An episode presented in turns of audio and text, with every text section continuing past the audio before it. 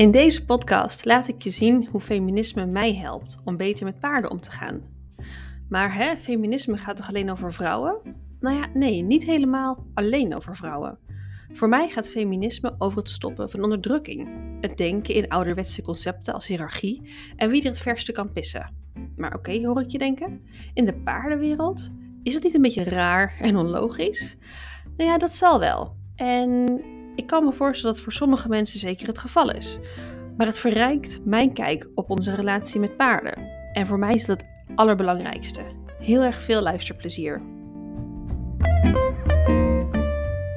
Waarom je lekker in je comfortzone kan blijven. Welkom bij de tweede aflevering van de Feminist Horse Podcast. In deze aflevering hoop ik wat onnodige druk van je schouders af te halen. Door uit te leggen waarom ik vind dat de comfortzone eigenlijk best een fijne plek is om te zijn. Zeker met je paard. Want het is zeker ook een, een mensenprobleem, denk ik, dat we te veel uit onze comfortzone geduwd worden. Of dat we denken dat we te veel uit onze comfortzone moeten gaan. Voor mensen, hè? Ehm, en daar ben ik het niet mee eens. Ik vind dat onze comfortzone ook als mens een hele goede plek is. Maar zeker in de relatie met ons paard. En om te beginnen wil ik dat plaatje even aanhalen. Dat mijn podcast misschien een beetje moeilijk is natuurlijk. Maar ken je dat plaatje van een uh, cirkel? En die cirkel is dan je comfortzone. En uit die cirkel is een pijl. En die pijl geeft aan, this is where the magic happens. Dus die pijl geeft eigenlijk weer de magische dingen in je leven en de mooie dingen in je leven vinden plaats buiten je comfortzone. Dus hè, is het algemene idee, als je iets wil doen wat de moeite waard is, nou, dan moet je niet in je comfortzone blijven, maar dan moet je zeker uit die comfortzone gaan. En ja, de eerste keer dat ik dat plaatje zag, al jaren geleden, um, dacht ik, ja, best logisch eigenlijk, hè? Want we worden allemaal een beetje geïndoctrineerd door het idee dat we moeten, mm, dat het moeilijk moet zijn en dat we um, door onze eigen grenzen heen moeten duwen. Dus toen dacht ik er niet zoveel van. Maar het was juist later dat ik erover na ging denken van... hé, hey, maar bij paarden is het echt heel anders. Als ik over de grenzen van mijn paard heen ga... wordt het niet fijner, niet leuker, niet gezelliger. Hoe zit het dan met mijn eigen grenzen? Dus dat vond ik wel een leuk... Ja, dat het weer terugkwam in een soort van cirkeltje. Hè? Ik, ik nam het aan dat het bij mensen was zoals het me verteld werd. Bij paarden leerde ik, hé, hey, dat is helemaal niet zo. En nu zie ik ook zeker dat het bij mezelf niet het geval is dat ik niet uit mijn comfortzone moet komen om mooie dingen te ervaren. Om dit allemaal een beetje helderder te krijgen, van wat is dan precies mijn probleem met, met het idee van in of uit je comfortzone blijven, uh, heb ik een voorbeeld. Want wat ik heel vaak uh, tegenkom, is dat mensen graag willen gaan wandelen met hun paard. En dat het voor het paard best wel spannend is. En um, ja, dat is denk ik een van de meest meeste dingen waarmee ik mensen help met buiten wandelen, wel of niet op de rug van je paard, dat, dat is er nog een tweede. Uh, maar vaak is gewoon wandelen buiten ook al heel spannend voor het paard. En wat ik dan merk is dat die mensen al best lang bezig zijn met het te trainen en dat het paard het buiten gewoon nog steeds spannend blijft vinden. En dan zie je dus paarden die, um, ja, ze lopen richting het erf, ze lopen richting buiten en ze gaan daar stilstaan. Ze, ze denken iets te zien in de verte en ze blijven kijken, terwijl er niet echt iets heel duidelijks te zien is. Ondertussen bewegen ze niet meer, staan ze stokstijf stil en kan de persoon die met het paard wil gaan wandelen ook geen enkele beweging meer in het paard krijgen. Dan, ja, dan hebben mensen geprobeerd aan het touw te trekken, misschien uh, een handje op de bil om ze te stimuleren om te gaan lopen, misschien een tikje met de zweep, al dat soort zaken. En dan hoor ik ook heel vaak dat mensen zeggen, ja, wat dan nog wel eens lijkt te werken, um, niet voor lang, maar het lijkt eventjes te werken, is om het paard uit evenwicht te brengen. En letterlijk de balans van het paard te doorbreken, zodat ze wel een stapje moeten zetten. En anders zouden ze omvallen, zeg maar. Maar goed, dan nog, twee stappen later, is het weer hetzelfde liedje. En wat gebeurt er nou in zo'n situatie als we kijken naar de comfortzone? En dit is misschien een heel duidelijk voorbeeld, omdat het paard niet meer wil lopen. Maar ik denk dat dit idee eigenlijk aan de grondslag ligt van alle problemen die we hebben met paarden. Dat paard geeft eigenlijk al een heel stuk van tevoren aan: hey, ik vind dit niet meer leuk. Ik voel me hier niet prettig. Mijn comfortzone eindigt hier. En dat zien we soms als mensen niet. En dat is oké, want we moeten allemaal ja, die dingen leren. We kunnen heel moeilijk de grenzen van een ander levend wezen of een andere soort, zeg maar, hè, eh, herkennen. Soms is het al lastig om ons bij onszelf te herkennen, laat staan van een ander wezen, laat staan van een andere soort. Dus dat is helemaal oké. Eh, dat kunnen we leren. Ehm, maar alleen worden we dan ook nog eens een keer geïndoctrineerd door het giftige idee dat het beter gaat worden. Of dat het eigenlijk, ja, sterker nog, we worden geïndoctrineerd door het giftige idee dat het alleen maar beter kan gaan worden wanneer we over die grenzen van het paard heen gaan. Want dat is de mensen die ik help, die willen het zo graag goed doen voor een paard. Die zijn heel empathisch, heel warm en die willen vooral ook dat een paard het heel erg leuk heeft.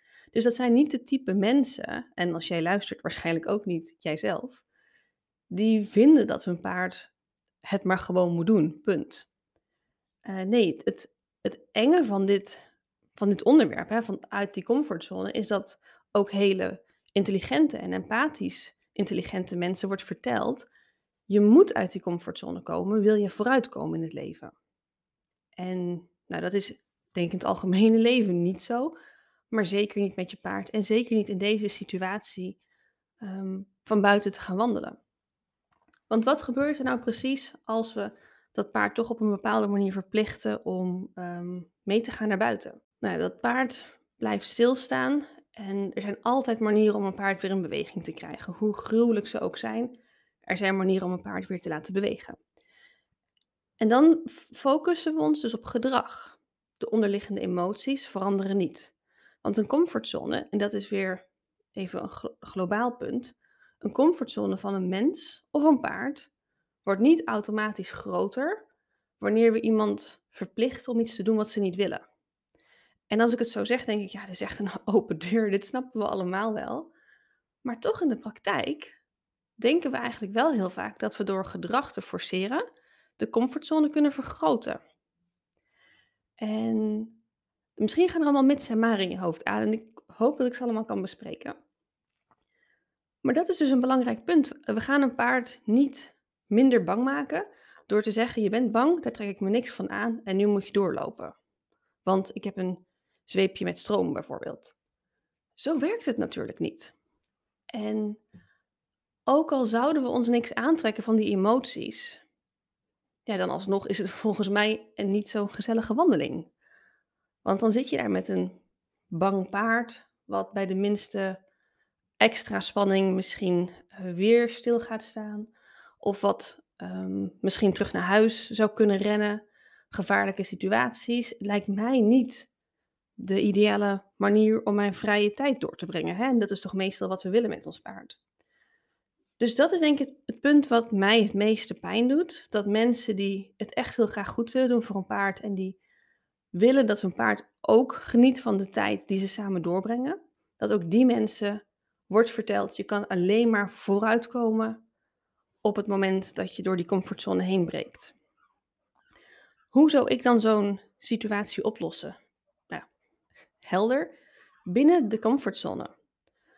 Want dat is ook het mooie. Waarom ben ik zo graag in mijn comfortzone? Waarom hoop ik zo graag dat jij en je paard in jullie comfortzone blijven? Dat is niet omdat het alleen maar lekker makkelijk aanvoelt. Misschien is een comfortzone zelfs niet een plek die lekker makkelijk aanvoelt. Dat is ook een stukje definitie, dat snap ik ook wel. Maar voor mij en voor heel veel andere mensen die hier dagelijks over nadenken, is de comfortzone juist een plek waarin je de krachtigste versie van jezelf bent. En waarin je um, de meeste creatieve oplossingen kan bedenken. En waarin je het meeste kan lachen. En waarin je het meeste compassie hebt voor andere mensen en voor andere dieren. En de, de plek waar je um, echt kan ontwikkelen, waar je kan leren. En dan gaan we weer eventjes naar het paard. Het leerstukje, dat is ook iets wat we eigenlijk willen. We willen dat een paard leert, het is buiten wel veilig en het is buiten wel leuk. En buiten word je niet opgegeten. En dat stuk gaat dus veel beter in die comfortzone. Buiten die comfortzone zijn die hersenen vooral bezig met hoe zorgen we ervoor dat we niet zo snel mogelijk doodgaan? Hoe zorgen we ervoor dat we in deze bizar onveilige situatie nog enige kans van overleven hebben? Dat is de staat van die hersenen buiten wanneer zo'n paard stilstaat en eigenlijk niet meer vooruit wil. Dus dan heb je ook ja, een soort recipe for disaster. Sorry dat ik het zo, uh, zo zeg. Maar als je dit dus maar vaak genoeg doet, um, treedt er niet echt het leerproces op wat we zoeken. Dat paard gaat niet dan de 1500ste keer denken: Oh ja, de vorige 1500 keren ben ik niet dood gegaan. Dan zal ik deze keer ook niet doodgaan. Dat zou een logische conclusie zijn, hè? Maar daarom, daarvoor zijn die hersenen te gestrest. En we moeten die hersenen dus letterlijk, ja, bijna, bijna letterlijk en figuurlijk, maar ik denk niet, niet dat het zo werkt. Maar we moeten die hersenen de ruimte geven om te ervaren: hé, hey, hm, ik uh, kijk hier even omheen en volgens mij, volgens mij is die best veilig. Dat is de ervaring die ik een paard gun die het buiten spannend vindt. Dat ze de tijd hebben om even te vertragen en om te ervaren: we zijn niet vijf kilometer van huis, maar we zijn misschien bij het hek. Dat is belangrijk. En ik denk dat het hier best wel oké is. Nou, hoe krijg je dat nou? En dat had ik net al een beetje um, ja, uh, gezegd. De point zit hem erin dat de emotionele ervaring van je paard tijdelijk de leidende draad is. En niet hoeveel kilometer jullie buiten zijn, of niet hoeveel kilometer jouw paard heeft gelopen. Maar de emotionele ervaring van je paard mag daarin leidend zijn. En als dat betekent dat je inderdaad met je paard en het halster aan um, naar het hek loopt van de afscheiding erf en buitenkant. Um, en je hebt zeg maar het hek aangeraakt. En je paard denkt zo, dit vind ik al genoeg. Is dat genoeg? En dat betekent dus niet dat je dan nog denkt, oh maar het gaat nu lekker, nu kan ik naar buiten. Nee, als dat het is, is dat het. Dus de comfortzone, de emotionele ervaring van je paard, is um, het stukje wat jullie tempo aangeeft. En dat is niet omdat ik jou niet gun dat je die lange wandeling kan gaan maken. Het liefst zou ik alle angsten van je paard wegtoveren, zodat jij die lange wandeling wel kan maken.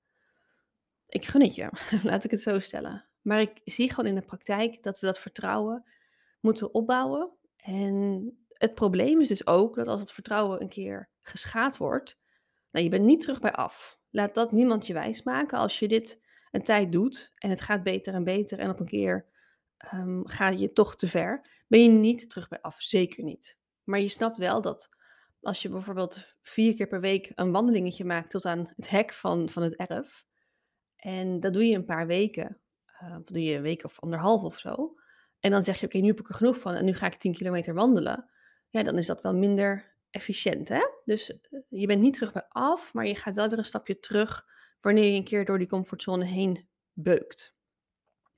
Maar echt, dit is een soort fail-proof manier waarop we wel um, de, de, het makkelijker kunnen maken voor je paard om naar buiten te gaan. Alleen heeft het dus wel wat haken en ogen, hè? want je moet ook een beetje je eigen comfortzone weer opzoeken. En ik denk dat dat ook het grote probleem is van het idee dat we uit onze comfortzone moeten komen. En ook waarom ik er zo allergisch voor ben. Ik denk dat we al heel vaak niet meer weten waar onze eigen comfortzone ligt. En dat we, zeker in de mensenwereld, zoveel uit onze comfortzone worden gebracht, uh, uit onze comfortzone worden geduwd, dat we een verkeerd idee hebben van wat die comfortzone inhoudt. Dat we denken dat de comfortzone is chips eten op de bank met Netflix en, en een vliesdekentje. Maar dat is niet per se de comfortzone. Ik denk dat we het een beetje verwarren met ja, een soort luiigheid. Terwijl ik eigenlijk denk dat luiigheid een hele grote waarde is in een maatschappij waarin mensen zichzelf continu maar over rennen en waarin mensen elkaar overrennen. Maar goed, comfortzone is dus niet per se die plek. Het is een plek waarin je hersenen op een fijne, veilige manier kunnen functioneren. En niet meer dan dat. De, de plek waarin jouw paard het krachtigste is, de plek waarin jij het krachtigste bent en waarin we allebei met onze uitdaging het beste om kunnen gaan. Maar waarom ja, is dit nu zo'n grote misvatting geworden? En daar komt denk ik weer dat stukje feminisme en patriarchaat op kijken. Het patriarchaat is dus het idee dat mm, zeker witte mannen de, de regie hebben, de leiding hebben, de maatschappij domineren. En dat was vroeger zeker zo en tegenwoordig helaas op sommige vlakken nog steeds. Maar in dat type maatschappij was het of is het ook heel erg belangrijk dat mannen of wie dan ook, dat er een hiërarchie was. En dat er een bepaalde ehm, ja, rangorde is. En degene die hoger wil komen, moet daarin op een bepaalde kunstmatige manier sterk zijn en geen zwaktes hebben. En het stomme toeval wil dat een zwakte gezien werd als een bepaalde emotie. En dat we ons op die manier gingen schamen voor onze emoties, zodra het ging over stress of over twijfel of over angst. Want dat was dan in dat ouderwetse maatschappelijk principe een zwakte. En ik voel er relatief weinig bij, want ik snap het niet. Want onze angsten, onze twijfels en onze stressmomenten zijn geen zwaktes, helemaal niet. Het is een evolutionair systeem om ons veilig te houden. Dus als wij buiten lopen met ons paard en ons paard loopt nog lekker door en wij denken: hé, hey, ik voel dat er bij mij iets gebeurt, is dat niet zozeer dat jij je aanstelt of dat jij mm, ja, een angsthaas bent. Waarschijnlijk gaat er ook een evolutionair systeem aan in jou, wat zegt: hé, hey, als we onszelf veilig willen houden, moeten we dit even in de gaten houden. En dat is toch geweldig? Als je je hand onder een koekerkraan. Ik had gisteren mijn hand onder de gewone warme kraan gehouden, veel te lang. Ik was niet aan het opletten en ik dacht, oh, dat is echt heel warm. Mijn hand verbrandt. Ehm, als je dan je hand onder een koekerkraan hebt, heb je nog meer, nog grotere problemen. Maar goed, ehm, als je dan je hand terugtrekt, is dat toch geen teken van zwakte? Dat is toch juist heel handig dat je lichaam zegt, oh, nee, nee, nee, nee, doe je hand maar niet meer onder die warme kraan. Waarom vinden we het dan bij emoties opeens wel een teken van zwakte? Het is eigenlijk niet heel veel anders. Emoties is een evolutionair systeem, een soort kompas, om onszelf veilig te houden en om ervoor te zorgen dat we ons leven kunnen voortzetten. Dus ik denk dat we af mogen van het idee dat emoties iets zijn waar we ons voor moeten schamen, zeker de negatieve emoties. En ja, dat, dat daar een, een feministische kijk heel erg kan helpen om te zien dat we als sociale diersoort allemaal angsten hebben en dingen waar we trots op zijn en dingen waar we stress over hebben, dat is helemaal oké. Nog twee mits en maren die ik vaak krijg over dit onderwerp. En als jij deze hebt, snap ik het helemaal. Ik heb ze ook gehad. De mits en maren 1. Maar als ik toegeef aan die angsten, ehm, dan wordt mijn wereld vast heel klein, want dan kan ik helemaal niks meer doen. Nou, dat is niet waar. Daarin kan ik je geruststellen. Tenminste, als er een bepaalde emotionele gezondheid is, als je gewoon goed in je vel zit en je bent gelukkig, hmm, dat is een, een lastige, hè? Ehm, dan hebben we gewoon wel de vaardigheid om om te gaan met angsten en met stress. En dan hoeven we niet bang te zijn dat ons leven in teken gaat staan van angst en stress, omdat we die emotionele weerbaarheid hebben. En dan heb ik het ook even over een paard. Heeft een paard echter geen enkele emotionele weerbaarheid en dan zouden we gaan letten op die comfortzone en waar een paard zich nog prettig voelt en waar niet.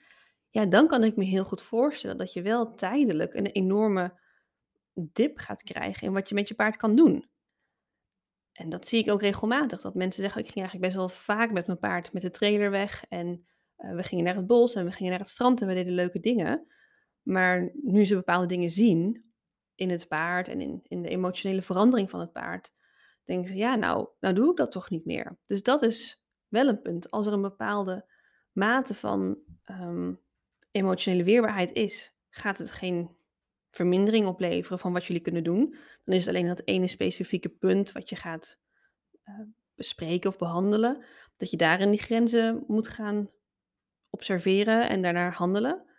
Maar gaat het om een paard met een enorme lege emotionele batterij, en dan kan het zijn dat dat veel meer dingen spannend gaan worden, omdat je als een soort ui de lagen van je paard gaat afschillen.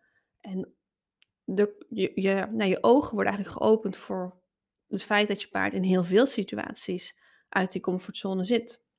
En ik denk dat dat ook bij mensen het geval is, maar dat is niet mijn specialisme natuurlijk.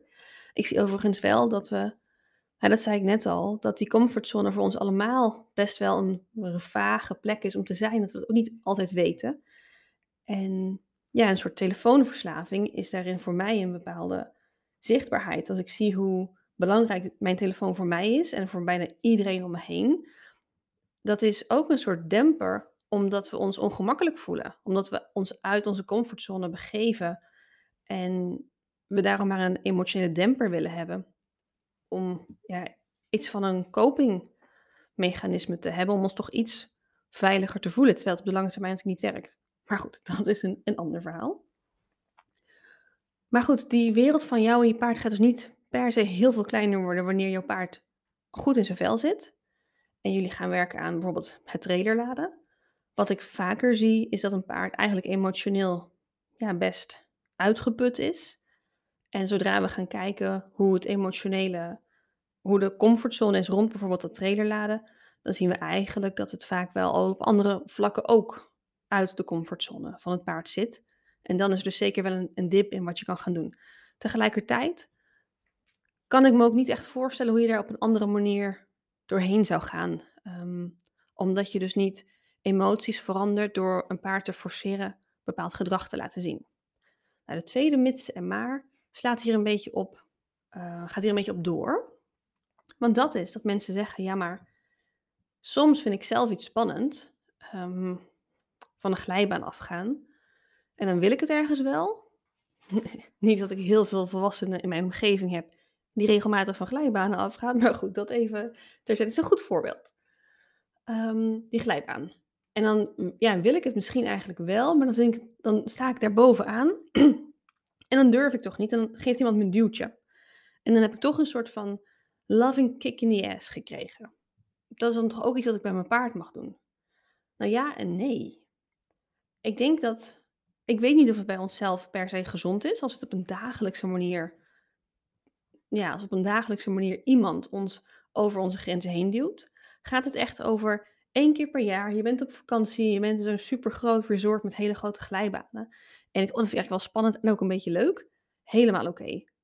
Maar hebben we door hoe vaak we dit bij ons paard doen? Dat is natuurlijk een eerste. Um, en een tweede, en dat is misschien nog belangrijker, als jij zegt, ik wil van die glijbaan af, maar ik vind het een beetje spannend, geef me maar een duwtje. Ben jij natuurlijk degene die bepaalt dat iemand jou dat duwtje geeft. En wanneer wij ons voor dat paard, wanneer we zo'n beslissing maken voor ons paard, ja, heeft ons paard daar niks over te zeggen. Dus ik denk dat die twee elementen heel erg belangrijk zijn waarom we onze situatie niet mogen vergelijken met de situatie van een paard. Dat waren mijn twee mits en maren die ik vaak hoor als ik bespreek dat je dus prima in die comfortzone met je paard kan blijven. En betekent dit dat, dat je dus nooit uit je, uit je comfortzone moet gaan? Alleen of samen met je paard? Nee, natuurlijk niet. Ik denk dat alles een beetje mm, een balans is. Ik denk alleen dat we met paarden veel te vaak kilometers buiten de comfortzone van ons paard komen. En ja, ik denk als ik daar een soort algemene inschatting van kan maken, denk ik dat de meeste paarden zo'n 1500 kilometer zich buiten hun comfortzone begeven. Gemiddeld gezien in Nederland. Ehm, dus ik denk dat we eerst heel sterk terug mogen naar onze comfortzone met ons paard. En dat we vanuit daar natuurlijk dingen een beetje spannender kunnen maken van tijd tot tijd. Maar dat dat een, een andere uitgangspunt gaat zijn. Ik hoop dat je iets aan deze podcastaflevering hebt gehad. Ik hoop dat je minder de maatschappelijke druk voelt om uit je comfortzone te komen met je paard om mooie dingen te bereiken. Want echt, ik denk dat als we een diepe en een emotionele, gelijkwaardige band met ons paard willen, is er maar één plek waar we dat kunnen krijgen en dat is in de comfortzone. Heel erg bedankt voor het luisteren.